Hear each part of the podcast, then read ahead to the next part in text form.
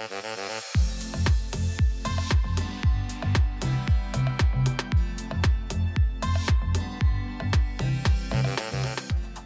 taas kuulama Tervisekassa podcasti. mina olen Heidi Kukk Tervisekassa avalikest suhetest ning äh, täna siin, et saadet juhtida. siin saates äh, räägime ikka tervisest ja jagame soovitusi, kuidas tervist hoida. Kuulame erinevate inimeste kogemusi ja arutame koos oma ala ekspertidega, kuidas siis üht või teistmoodi, aga ikka tervemalt elada. Täna räägime tööõnnest ja sellest, miks on oluline, et koht, kus me vähemalt kolmandiku oma argipäevast veedame, meile ka võimalikult palju rahuldust pakuks. mida me saame ise teha, et meie vaimne tervis töö tõttu ei kannataks ja kui suurt vastutust kannab selle eest hoopis meie tööandja? Äh, mul on külas psühholoog ja koolitaja ja tööõnne uurija Tiina Saar-Veelmaa ning äh, tema kõrval töötervishoiuteenust pakkuva Medihubi tööpsühholoog Kaidi Kõivnoode Äh, tere tulemast teile ja alustuseks äh, tahaks kuulda, mis see tööõnn üldse endast äh, kujutab. et Tiina, sina räägid sellest koolitajana igapäevaselt ja ma tean, et mõne jaoks võib tööõnn tunduda selline esimese maailma luksus, et tean omast käest, et kiputakse ka tänapäeval veel arvama, et, et töö on midagi, mis tuleb lihtsalt ära teha ja et, et õnn tuleb siis heal juhul kusagilt mujalt. aga mis see tööõnn ikkagi õigupoolest on ja, ja miks on oluline ka oma tööelus õnne poole püüelda? ja tervist ja aitäh. Ehm, tõesti, ma olen uurinud seda juba viimased kakskümmend aastat ja, ja tundub, et äh, jätkan, sest äh, üha tuleb välja selliseid uusi nurki. aga see jah, et äh, kas tööõnn on pigem luksus ma arvan, et, et see on natukene aegunud suhtumine ja, ja see aegumine tuleb sellest, kui me vaatame, kuidas ajaloos tööd on mõtestatud. ja on olnud aegu, kus töö on selles mõttes üllas, et kui keegi oskab midagi ja näiteks ta on meisterlik ja ta valmistab jalanõud kellelegi oma külast. ja siis keegi teine, kes ähm, ma ei tea, kasvatab vilja ja, ja teeb sellest jahu ja siis näiteks nad vahetavad seda kaupa. et palun, siin on sulle mugavad kingad, palun, siin on sulle kotitäis jahu et siis justkui on nagu kõik hästi, et me ju teeme seda, mida me oskame ja jagame oma väärtust ja kõik on õnnelikud. Aga ometi ajaloos tuli ka selline periood, kus meil tekkis oskus esiteks ladustada kaupu. ja siis selle võrra me hakkasime seda rohkem tegema ja noh, eeskätt see tuli siis toiduainetest ja siis juba tekkiski mingis mõttes ebavõrdsus, et kellelgi oli rohkem ja keegi pani kedagi teist enda heaks tööle. ja nii ongi nii et ajaloo, ajaloo, ainu, ainuüksi ajalugu vaadates ähm, kogu see tööteema muutub nagu väga-väga huvitavaks. aga siis, äh, mis meid nagu tänasel päeval peamiselt, äh, miks me, miks me tahame, et nüüd see töö oleks õnnelik äh, ja mis see probleem seal on, et on olnud ajaloos ka pikk periood, kus tööga orjastati inimesi ja vahel mulle tundub, et kuigi pärisorjus lõpetati Eestis ka tuhat kaheksasada kuusteist et siis kõik tööandjad ei ole sellest veel kuulnud. et me jõuamegi sinna, et tegelikult inimene ei ole meie oma, et töötaja ei ole meie oma. ja, ja sedapidi siis see töösõna peaaegu et kõikides keeltes hoopis tähendabki midagi rasket, midagi alandavat, midagi haisvat, ka eesti keeles sõna töö tuleb sõna, sõnast orjaöö. Prantsuse keeles travail samamoodi siis tähistab nii aurumasinat kui neid inimesi, kes siis surid seal töötades selles valdkonnas. et sa pead siis silmas, et see tööõnn kui selline, et töö, et inimene võiks töö, töökohal ka õnnelik olla, et see on midagi meie jaoks ikkagi uut ja viimaste sajandite küsimus. või siis tagasi mõistlikkuse juurde, et see on võib-olla uuesti avastatud hea vana asi, et see võiks kõik olla mõistlik ja, ja loomupärane pigem. et nüüd jah, me võib-olla ei saa öelda, et ütleme siis arenenud riikides otseselt justkui piitseb laksu. Ja, ja keegi ei pea maksma kümnist ja võib-olla noh, jääb ka üha vähemaks, eks ole, seda vaesust, et ma pean tõesti tegema alandavat rõvedat tööd oma leiva palukese eest, kuigi tegelikult ka seda ju veel eksisteerib. aga tõesti, et, ähm, et see, et me nagu, nagu ootame, et see töö meile pakuks, see on pigem selline inimõiguse osa aga milliselt, milliseid küsimusi võiks endalt küsida, et saamaks aru, kas sa oled tööl õnnelik või mis need aspektid siis on, et äh, kuidas sa näed, et, et, et, et võib täitsa rahul olla mm? -hmm. ja no mul, minule tundub, et algab kõik sellest või, või miks me olemegi natuke pahuksis selle töö mõiste ja, ja sellega, et seda on liiga palju, et jah, et kui me enam ei pea selle leivakorrukese eest võib-olla kõik muretsema, et siis see on nüüd natukene nagu sala, salakavalam see orjastamine, et nüüd me räägime sellest, et on kiire, kiire, kiire eesmärgid, kasum. Ehm, et kuidagi nagu ikkagi justkui noh, keegi nagu kütab meid üles või, või ma pean ikkagi pingutama ja võib-olla üle enda piiride.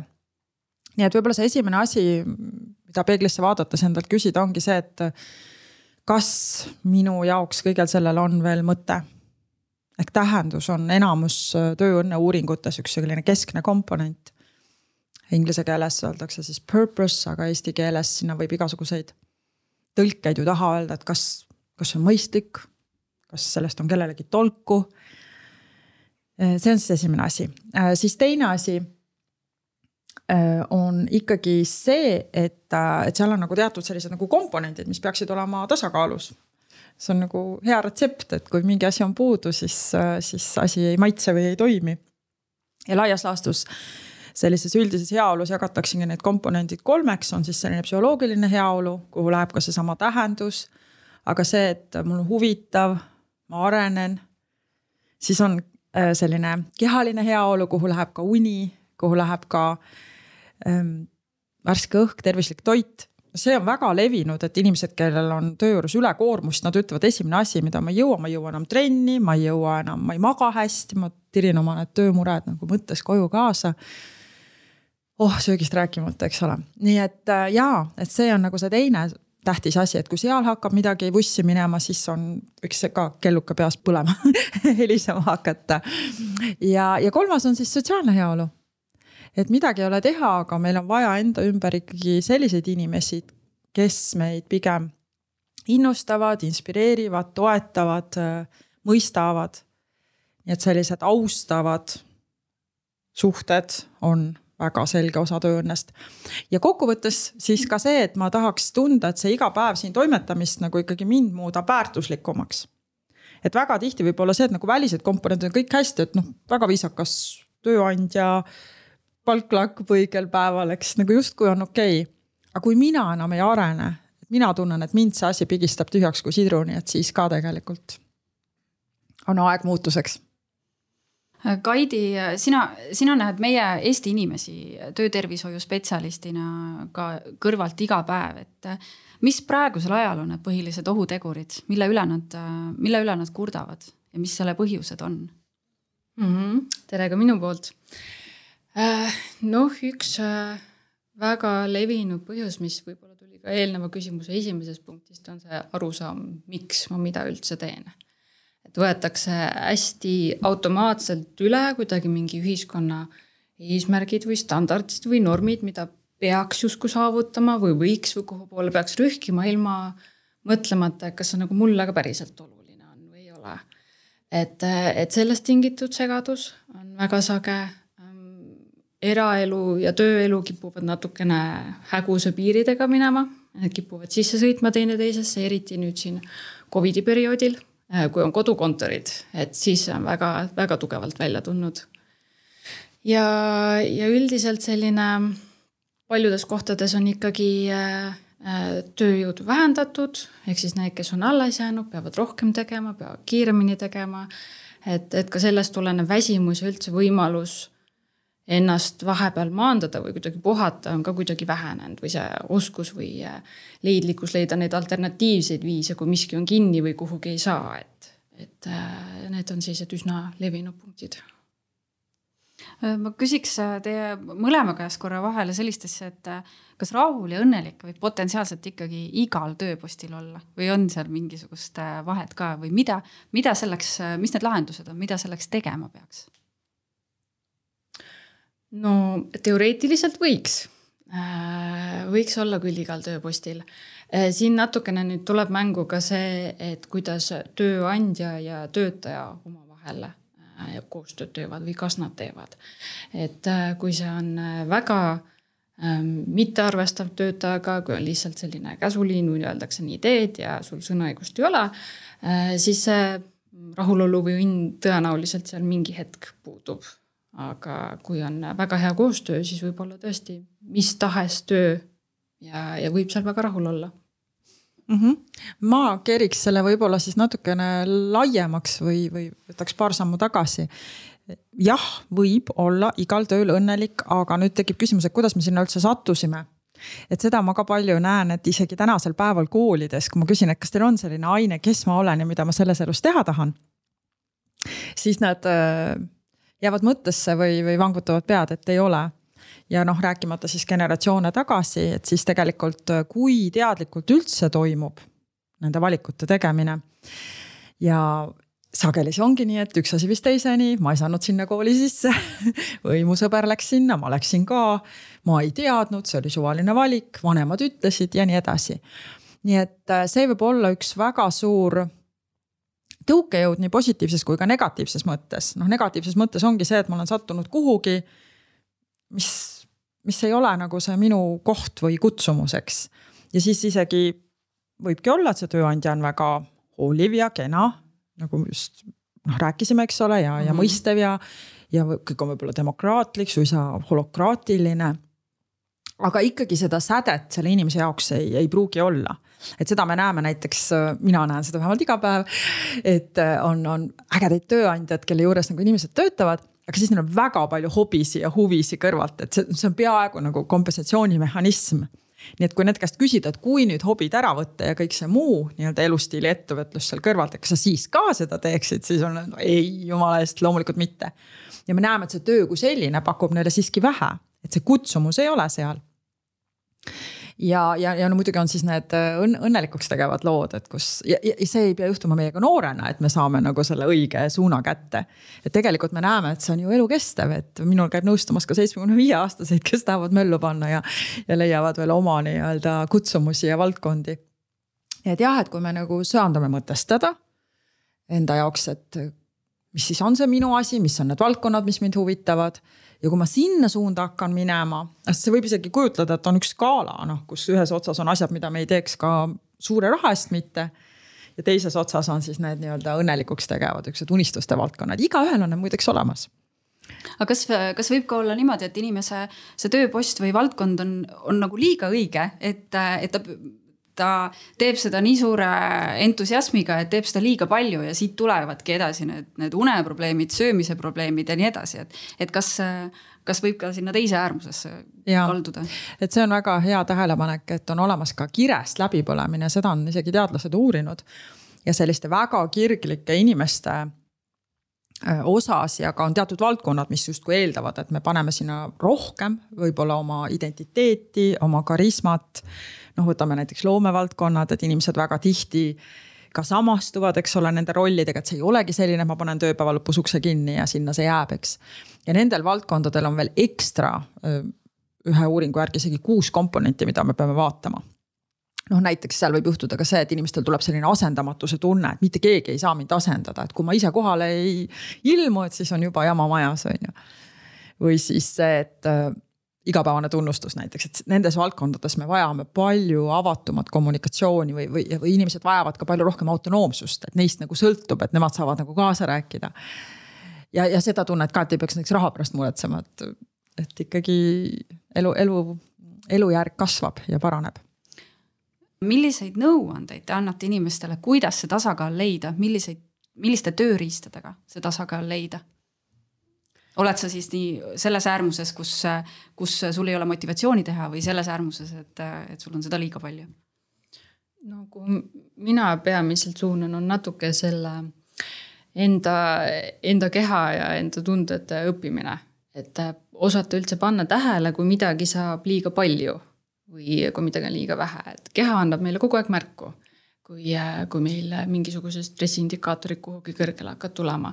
nüüd ongi iseasi see, kas inimene märkab seda, oskab ta märgata, teab ta üldse need, mis tema indikaatorid on või ei tea, ehk siis äh, ennast tundma õppimine kõige lihtsamalt öeldes on see, kuhu ma tavaliselt suunan mina olen, siin on muidugi hästi palju selliseid praktilisi nippe ka, aga et, et mulle on ka viimasel ajal sattunud just sellised kirglikud inimesed, kes peaksid pigem tag tagasi tõmbama oma tegemistega, ma arvan, ma ise olen ka üks neist ja olen tõesti olen läbi põlenud raskelt kunagi elus ja siiamaani maadlen sellega, et pean ennast tõesti tagasi hoidma.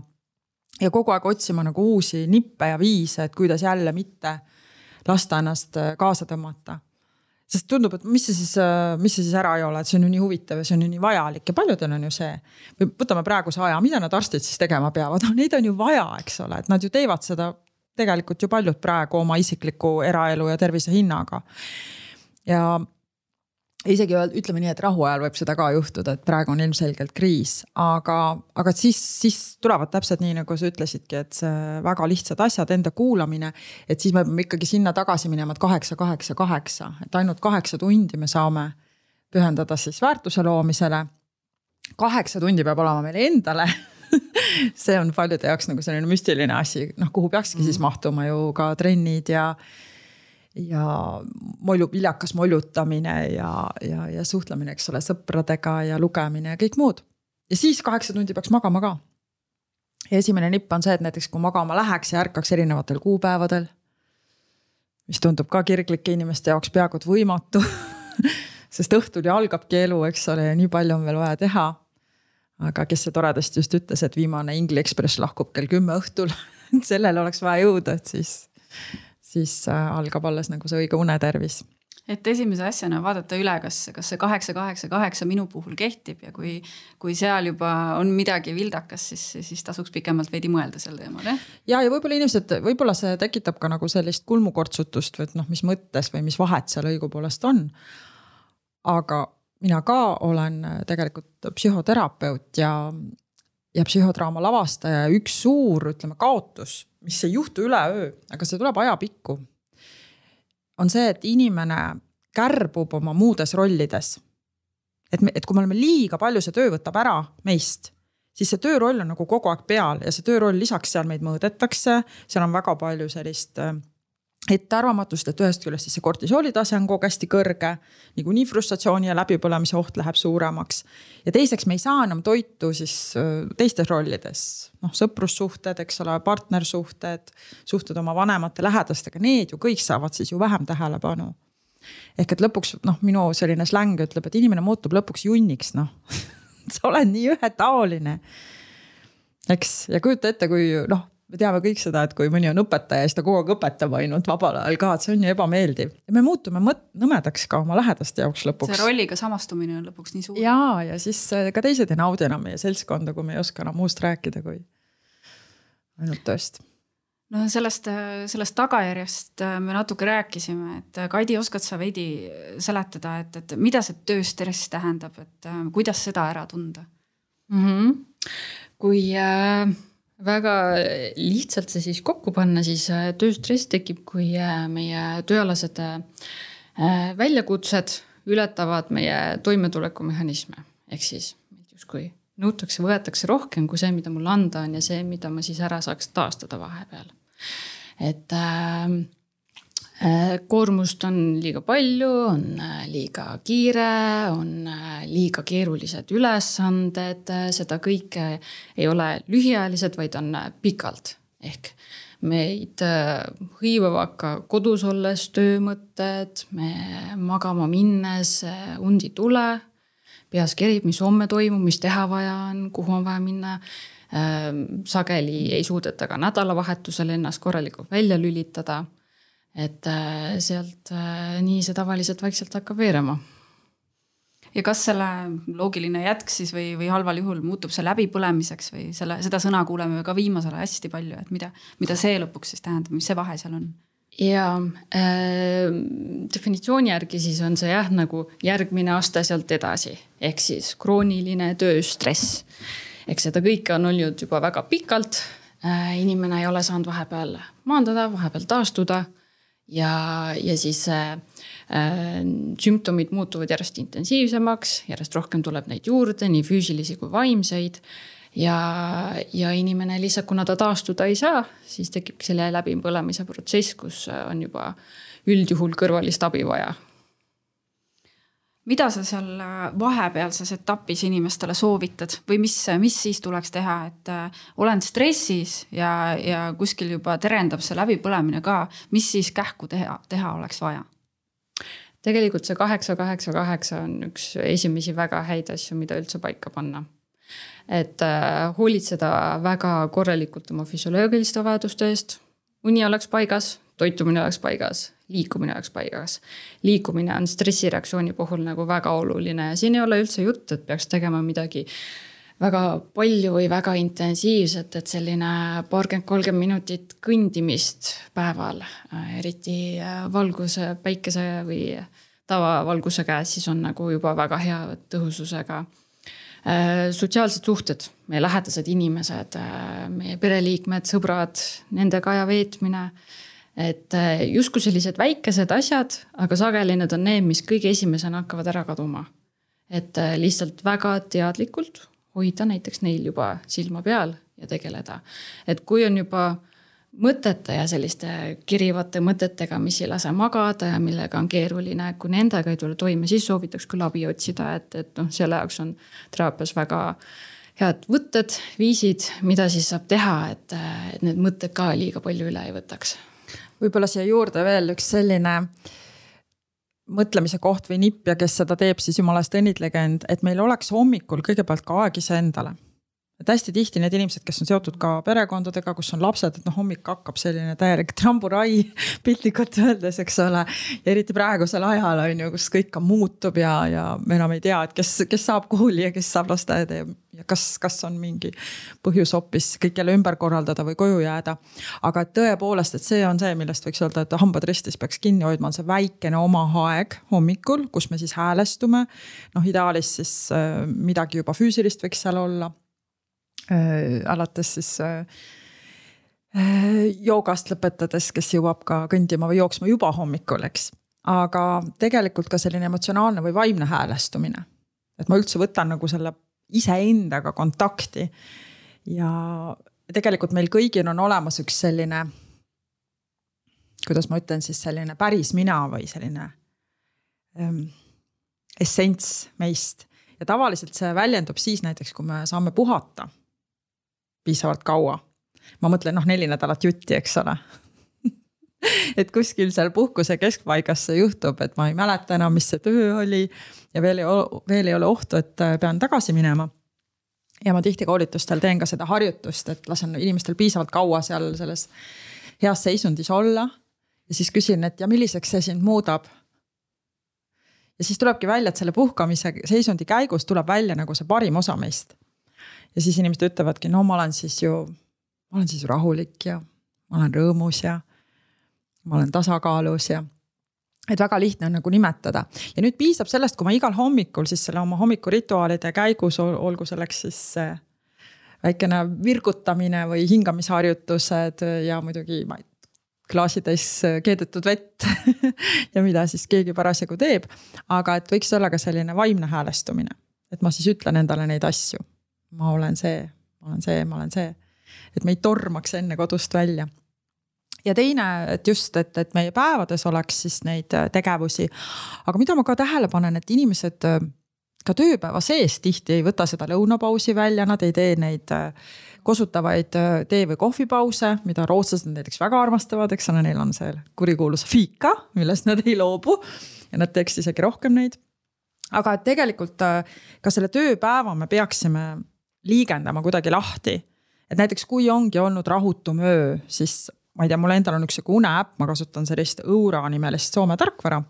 ja siis äh, ma saan monitoorida oma und ja näiteks, kui mul on olnud mingil põhjusel siis äh, närvilisem öö või ma ei ole saanud, võib-olla maganud olen, aga välja puhanud ei ole siis see äpp väga kenasti soovitab, et võta päeva jooksul siis kaks korda viis minutit meditatsiooni ja tegelikult see juba aitab ehk et nüüd me jõuame ka selle töökeskkonnani, et meil oleks töökohtadel neid väikeseid võrkkiigukesi või vaikuse tube, kus sa siis tõesti lähed ja keegi ei vaata halvasti. ja sa korraks siis nagu lõõgastud seal ja lõuna peaks olema püha ja ka sedapidi, et ma lähengi võimalusel välja, võib-olla ma siis ühendan selle väikese jalutuskäiguga. algab ilmselt sellest, et sa broneerid endale selle lõuna ära, et keegi teine ei saaks seda ära napsata, on ju. ja siis ka, et proovida, et nende pauside ajal ei räägiks tööst seda me ka näeme, et inimesed lähevad siis võib-olla heal juhul kolleegidega lõunale ja siis peaaegu et nagu ei pane tähelegi, et nad söövad, sest noh. on vaja rääkida millestki väga närvilisest, seda ma praegu hästi palju näen, et inimesed on kohvikutes, nad ju kiruvad seda olukorda, seda elu. ehk et kogu aeg on jälle see nagu punane tuli on kogu aeg nagu helendab, on ju. kuigi ilmselt see auru väljalaskmine nii-öelda on ka ju tegelikult vajalik, eks ju. vot comme si comme ça selles mõttes, et ähm, see ongi nüüd mõtlemise koht, et me mõjume igal juhul nagu sulpsatus järvevees, kivisulpsatus järvevees. et kui me kogu aeg äh, läheme näiteks ka sinna kohvinurka ja esimene asi, mida ma rääkima hakkan, on see, kuidas kõik on halvasti, siis tegelikult selle halva infoga ma määrin ära ka selle teise inimese meele, võib-olla tema just mediteeris seal parasjagu. et ma arvan, et, et sa ka ilusti ütlesid, et peab pöörduma tegelikult spetsialistide poole, sest meie lähedased ei pruugi ka jaksata lõpuks seda välja kanda, kui me kogu aeg ainult ventileerime oma emotsioone, eks. ja sellega et see peaks, selleks peab olema õige aeg ja koht ja sellel inimesel peaks olema ka teatav selline nagu mõju, et ta saab meid siis aidata. tihti ma näen ka seda, et need jutud, mis peaks ära rääkima juhiga. see on üks selline natuke isegi nagu anekdootlikuks muutunud, et ma palun vahel koolitustel ühel hetkel mõelda, et küsin inimeste käest, kas teil on juht?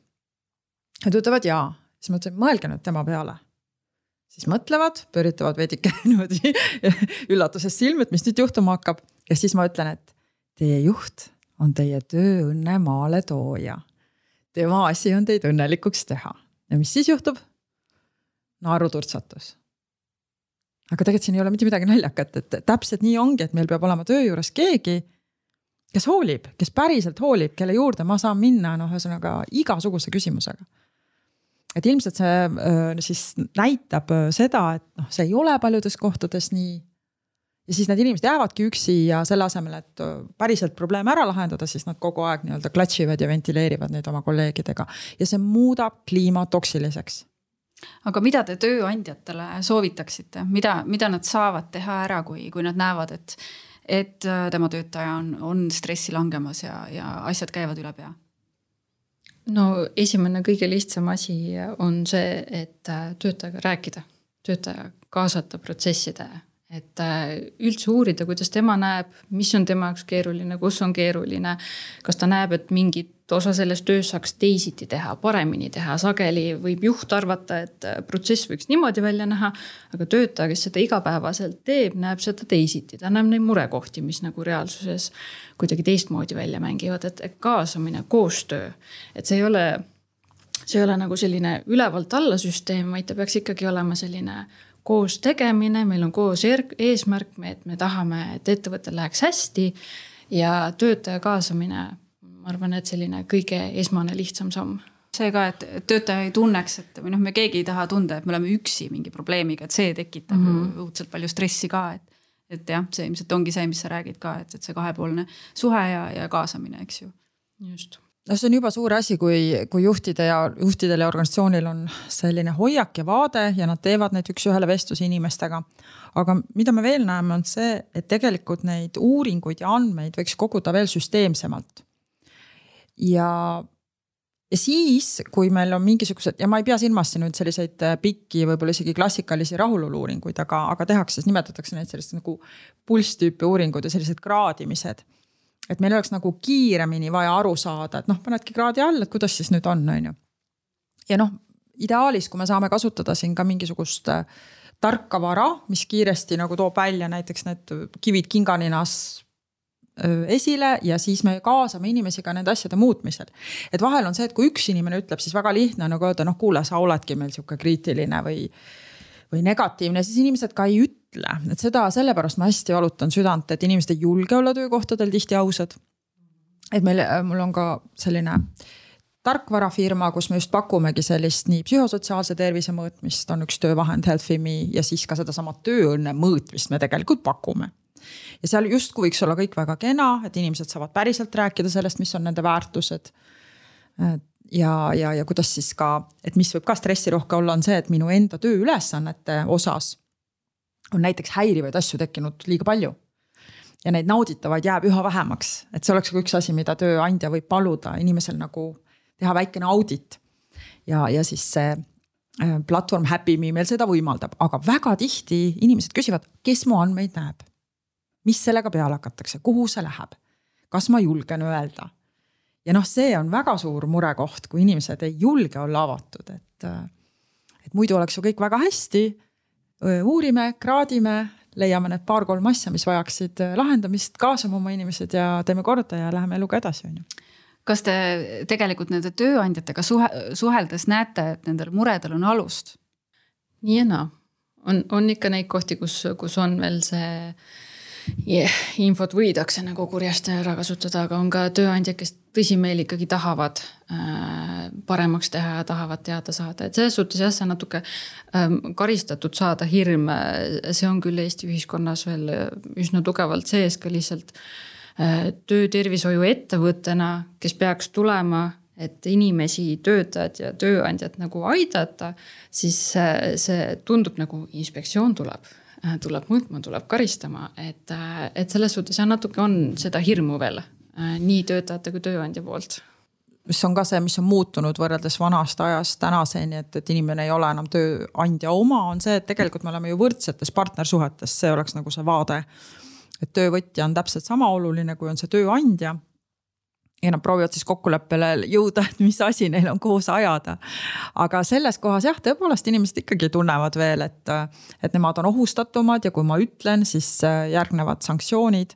ja see on nüüd natuke ka valdkonniti äh, eristub. et mul on siin olnud viimasel ajal nagu võrdluses ka näiteks tootmisettevõtted. ja muidugi, mida kaugemale tõmbekeskustest, seda Äh, problemaatilisemaks see asi läheb. sest siis tihti inimesed tunnevad ka, et mul, kuhu mul minna. Et mul ei olegi siin piirkonnas ju valikuid, ma pean nõustuma, ma pean alluma ja siis on see, et need kultuurid lähevad väga toksiliseks, sest nad tegelikult tahavad ennast väljendada, aga neil ei ole kohta.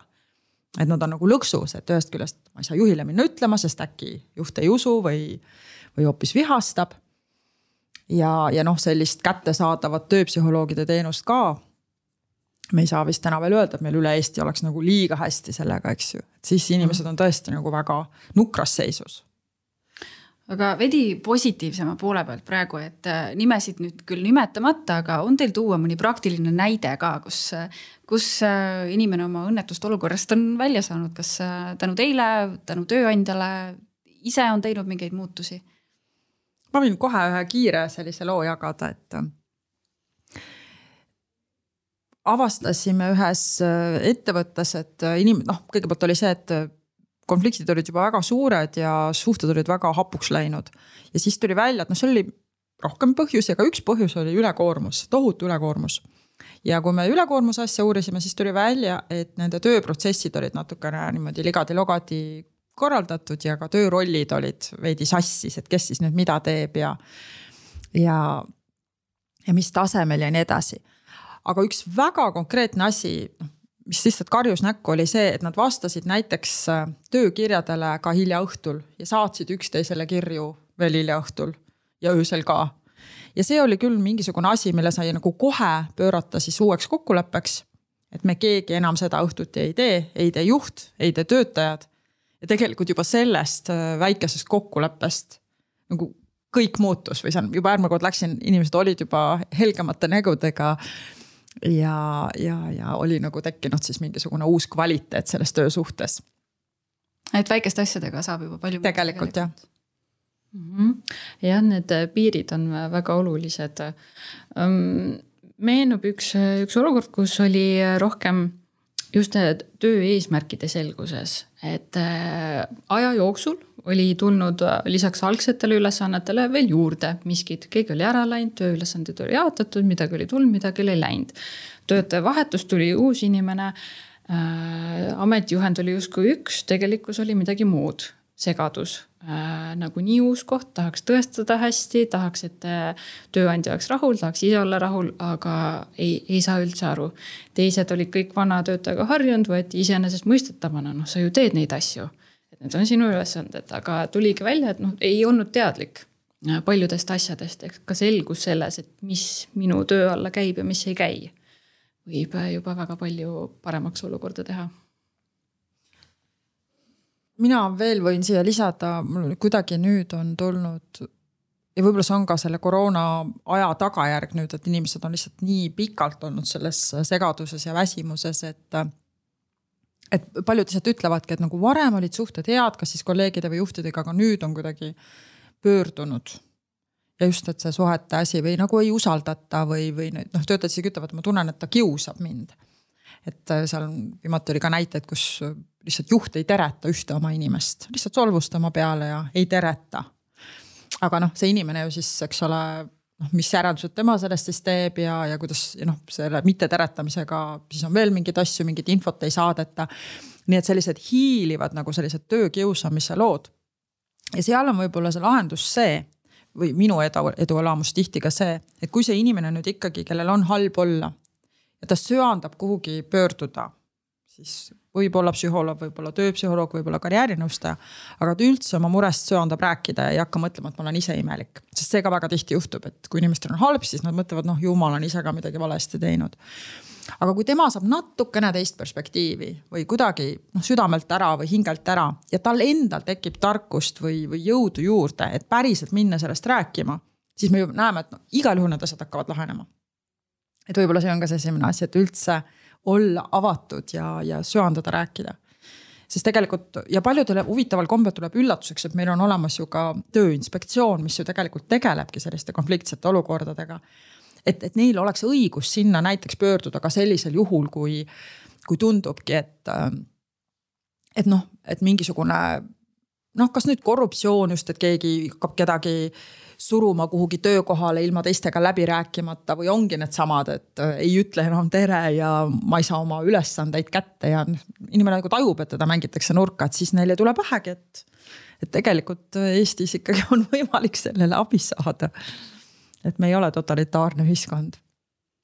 ja, ja sa, sa tõid juba rohkem sisse ka seda koroona teemat ja selle mõjutusi, et äh, mida te veel praegusel ajal näete, mida võib-olla mille peale võib-olla nii palju üldse ei mõelnud paar aastat äh, tagasi?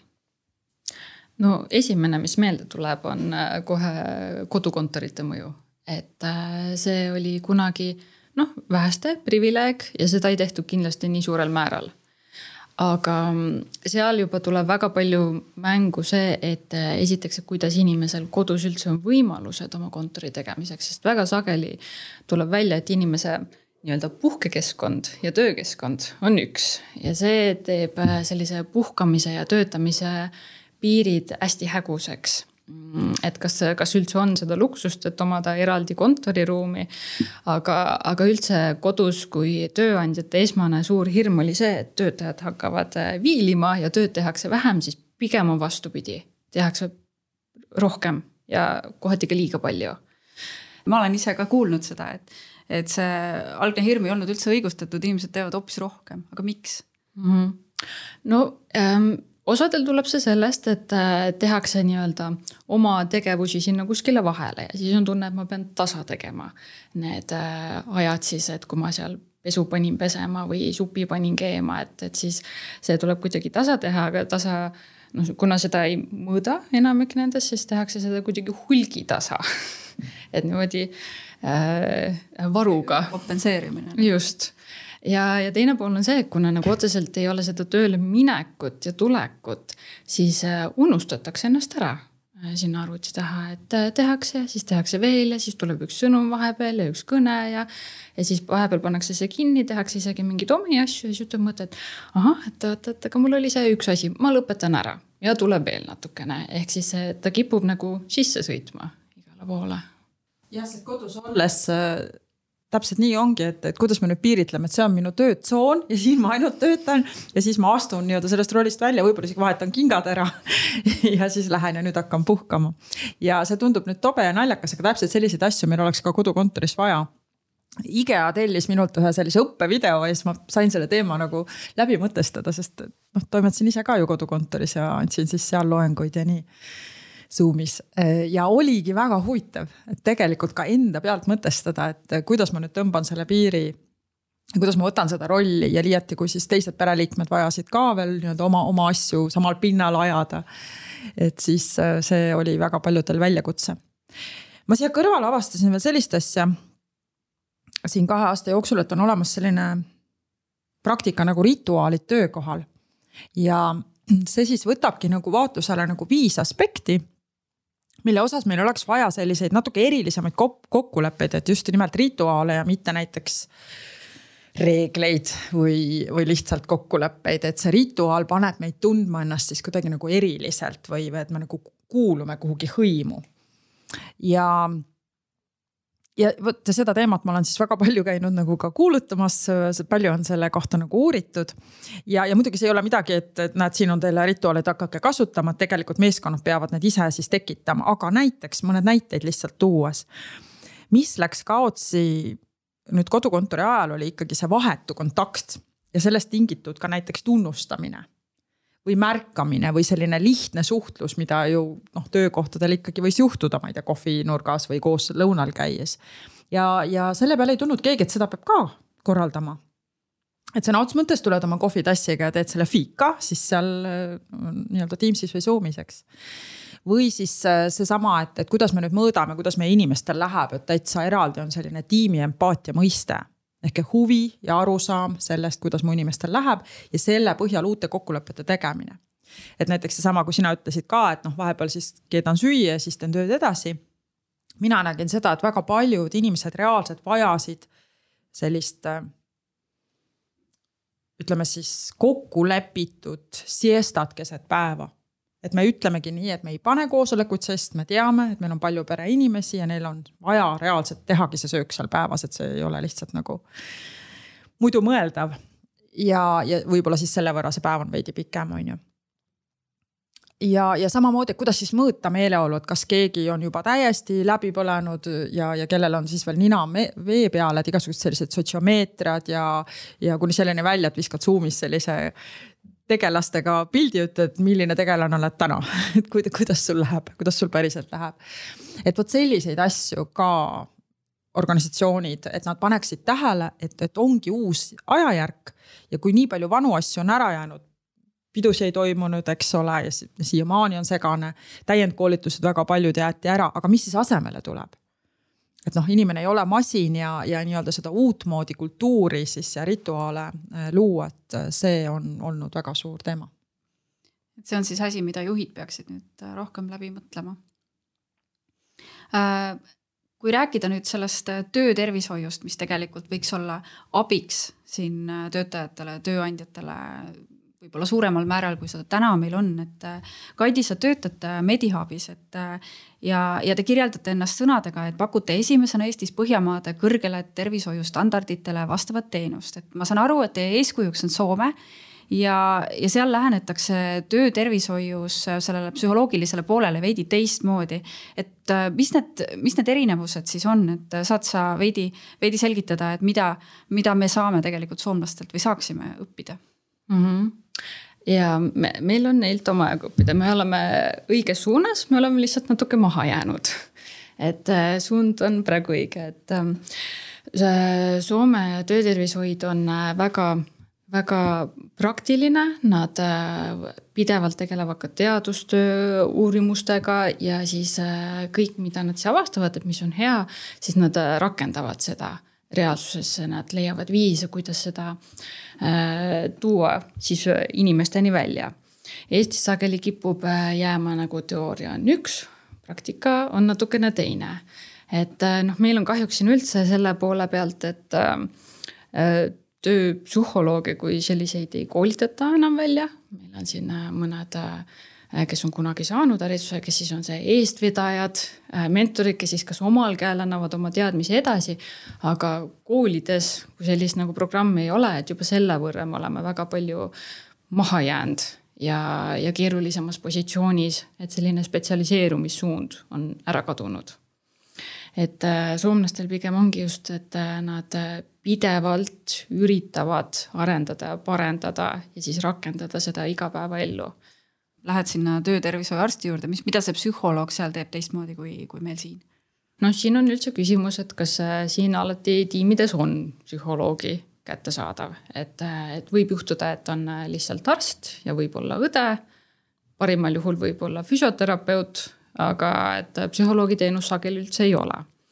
ja kui ta on, siis meil ei ole väga seda koostööefekti. et äh, Soome mudel näeb ette, et äh, kui inimesel on probleem ja mure ja seda on vaja käsitleda, siis seda äh, kõik enne käsitletakse inimesega, leitakse mingisuguseid võimalusi ja siis vajadusel kaasatakse ka tööandja. ehk siis selline töötervishoid, tööandja ja töötaja kolmik selline koostöö ja see side on just see, mis pigem viib lahenduste eest, noh praegu võib ka minna lihtsalt psühholoogi juurde, aga tal ei pruugi olla seda võimalust, et ta saaks kuidagi mõjutada tööandjat või anda seda sisendit sinnapoole edasi. ehk ta saab oma mure ära rääkida, ta saab võib-olla leida mingisuguseid viise, kuidas oma stressi maandada, aga töökoha mure jääb äh, sageli samaks. et meil ei ole selles valdkonnas sellist kolmepoolset suhet head. just soomlased on üldse erinevates uuringutes tituleeritud ka sellise äh, maailma kõige õnnelikuma rahvana, eks ju, et äh, Äh, kas nad teevad siis midagi tööl ka teisiti, et on nende tööõnn ka suurem? Nad ähm,, nad teevad küll jah teisiti, et ähm, nad on väga huvitatud äh, sellise töö, tervishoiu ja ohutuse äh, võimalikult hea taseme tagamisest ja, ja just nende see koostöövalmidus ja valmidus abi küsida nii oma ülemustelt kui ka ülemustelt abi küsida töötervishoiult. on pigem see, mis võib-olla neid eristab ja, ja nad nagu ei ürita hambad ristis kuidagi ise hakkama saada või toime tulla, vaid vajadusel nad kaasavadki, nad tunnevad, midagi käib üle pea, midagi on liiga palju. küsin abi, võib-olla on seal ka see usaldus äkki suurem siis, et. kindlasti, sest äh, koolitajad, kes siis meid on välja koolitanud, äh, räägivad, et kui nemad ettevõttesse lähevad, siis inimesed nagu naeratavad ja räägivad, oh, ma ootasingi sind, mul on sulle nii palju rääkida. kui äh, me oleme praegu käinud, siis on pigem see, et ahah, okei okay,, ikkagi inspektsioonitunne on, et keegi tahab küsida, miks, kus andmed lähevad, kes sellest teada saab, et, et äh, see vahe on kindlasti sees. et nende jaoks on see juba normaalne nähtus, et, et see on mingi süsteem, mis saab neid aidata aga Soomes minu kogemust mööda töösuhted on väga palju varem olnud juba võrdsed, et seal on nagu selline, ma mäletan isegi kunagi oli anekdoot, oli Nokia sellisest töömehest Peldosest, et kus umbes Rooma paavst kutsus teda lõpuks missale, sest noh, ta oli tubli töömees. et nendel selline arusaam, et ükskõik mis ametikohal sa ei oleks, sa oled ikkagi nagu inimesena väärtuslik, et sellist hierarhiat töösuhetes on neil oluliselt vähem. pluss neid muidugi mõjutab ka see rootslaste fika, et nad ikkagi päriselt teevad pause ja ja kuidagi loomuldasa nagu oskavad äh, piiri pidada selle tööga paremini. ja pausid ja tööpäeva lõpp on ikkagi püha täpselt. Äh, on teil kummalgi veel midagi laiemast maailmast äh, ära välja tuua, mida, mida eestlastel, millelt eestlastel võiks olla õppida? mina käisin paar nädalat tagasi Luksemburgis ja tutvumas just siis nende haridus ja, ja tööturusüsteemiga ja võib-olla, mille peale ma olin kohe väga kade, on see, et neil hakkab seesama karjäärinõustamine põhimõtteliselt lasteaiast pihta.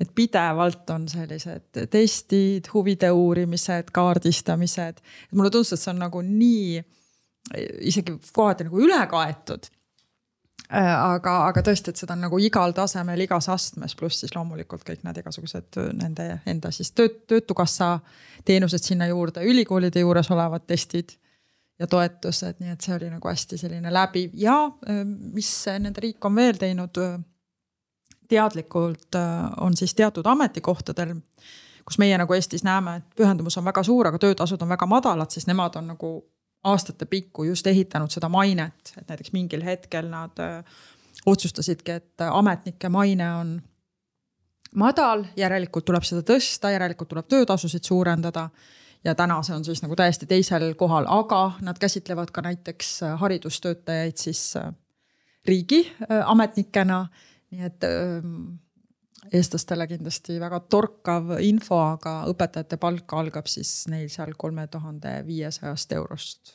kätte algajatel ehk siis A ja O on ikkagi see, on see tähendus, et ma tean, et äh, kellele ja kuidas ma kasu toon oma selle, selle tööga, aga samas äh, palgast ei saa ikka kuidagi üle ega ümber ka muidugi. jah, just, et äh, see väärtustamine või see ametiuhkus tuleb ka ju sellest, et mida ma siis nagu tagasi saan või et kui ma midagi panustan ja loon, et, et siis ma pean ju tundma, et see on oluline, on ju. ja, ja teine asi veel, et keeled, et neil on ka TITE-st peale on siis nagu neli keelt, mida nad öö, pakuvad ja õpetavad, et need inimesed oleksid konkurentsivõimelised, seda ma kohe mõtlesin, et see võiks midagi olla, mida Eestis võiks kohe teha.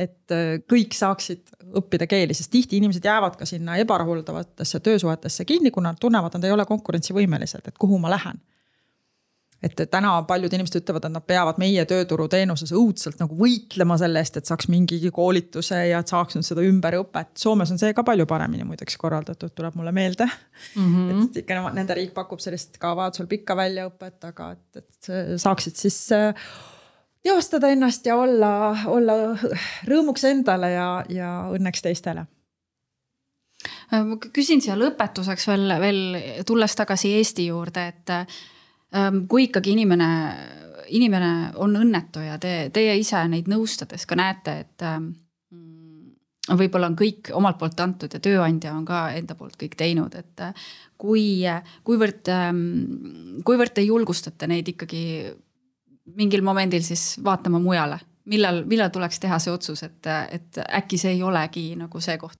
no inimene peab kindlasti ise selleni jõudma, et, äh, et eks seal saabki kaaluda tõesti läbi selle, et mis on võimalik teha, kas see on tehtud, mis on sellega kaasnevad kasud, mis on kahjud. ja, ja kui just, kui tundub, et tema võimuses tõesti ei ole midagi muud, siis on, on puhtalt see küsimärgi koht, et kas kuskil mujal oleks parem kas see on tema jaoks võimalik, kas ta näeb seda või, või kui teda hoiab miski tagasi, siis mis see on, mis teda tagasi hoiab. Sageli see on hirm, sageli seal ongi tunne, et mul ei ole midagi pakkuda. et, et see on väga individuaalselt vastavalt inimesele, et mõned kipuvad seda liiga kergekäeliselt kasutama. teised jälle hoiavad väga kaua kinni kohast, kuni annab tervisele tugevalt tunda ja siis on lihtsalt olude sunnil vaja juba liikuda oh,. ma võiks nüüd tund aega veel rääkida aga mul esimene mõte on selles, et vot näe, autoga me käime hoolduses, eks ole. ja, ja arsti juurde ka inimesed jõuavad, aga tegelikult just selle oma eneseteostuse ja arengu küsimustega me nii teadlikult ikkagi veel ei tegele. ehk et väga suur oht on ka see, et kui näiteks minu töökohal ei ole äh, väga inspireerivaid arenguvestlusi, ma rõhutan väga inspireerivaid, mitte neid, mis tehakse formaalsete linnukese pärast. kui ei ole igal inimesel oma sellist arenguplaani ja koolituseelarvet, kui ei ole supervisiooni, kui ei ole, kui ei pakuta ka lisaks äh, psühholoogilist äh, noh nõustamist, eks ole, ettevõtte kulul, siis tekib küsimus, et kus ma üldse mõtlen nende asjade üle. seega ja seda me näeme palju, et siis on inimesed, kelle elu on läinud kakskümmend aastat sips ja viuh ja siis ta ütleb, et issand jumal, on ju nüüd ma olen ikka siin. ja, ja siis on selline asi, me räägime läbipõlemisest, aga on olemas ka töötüdimus.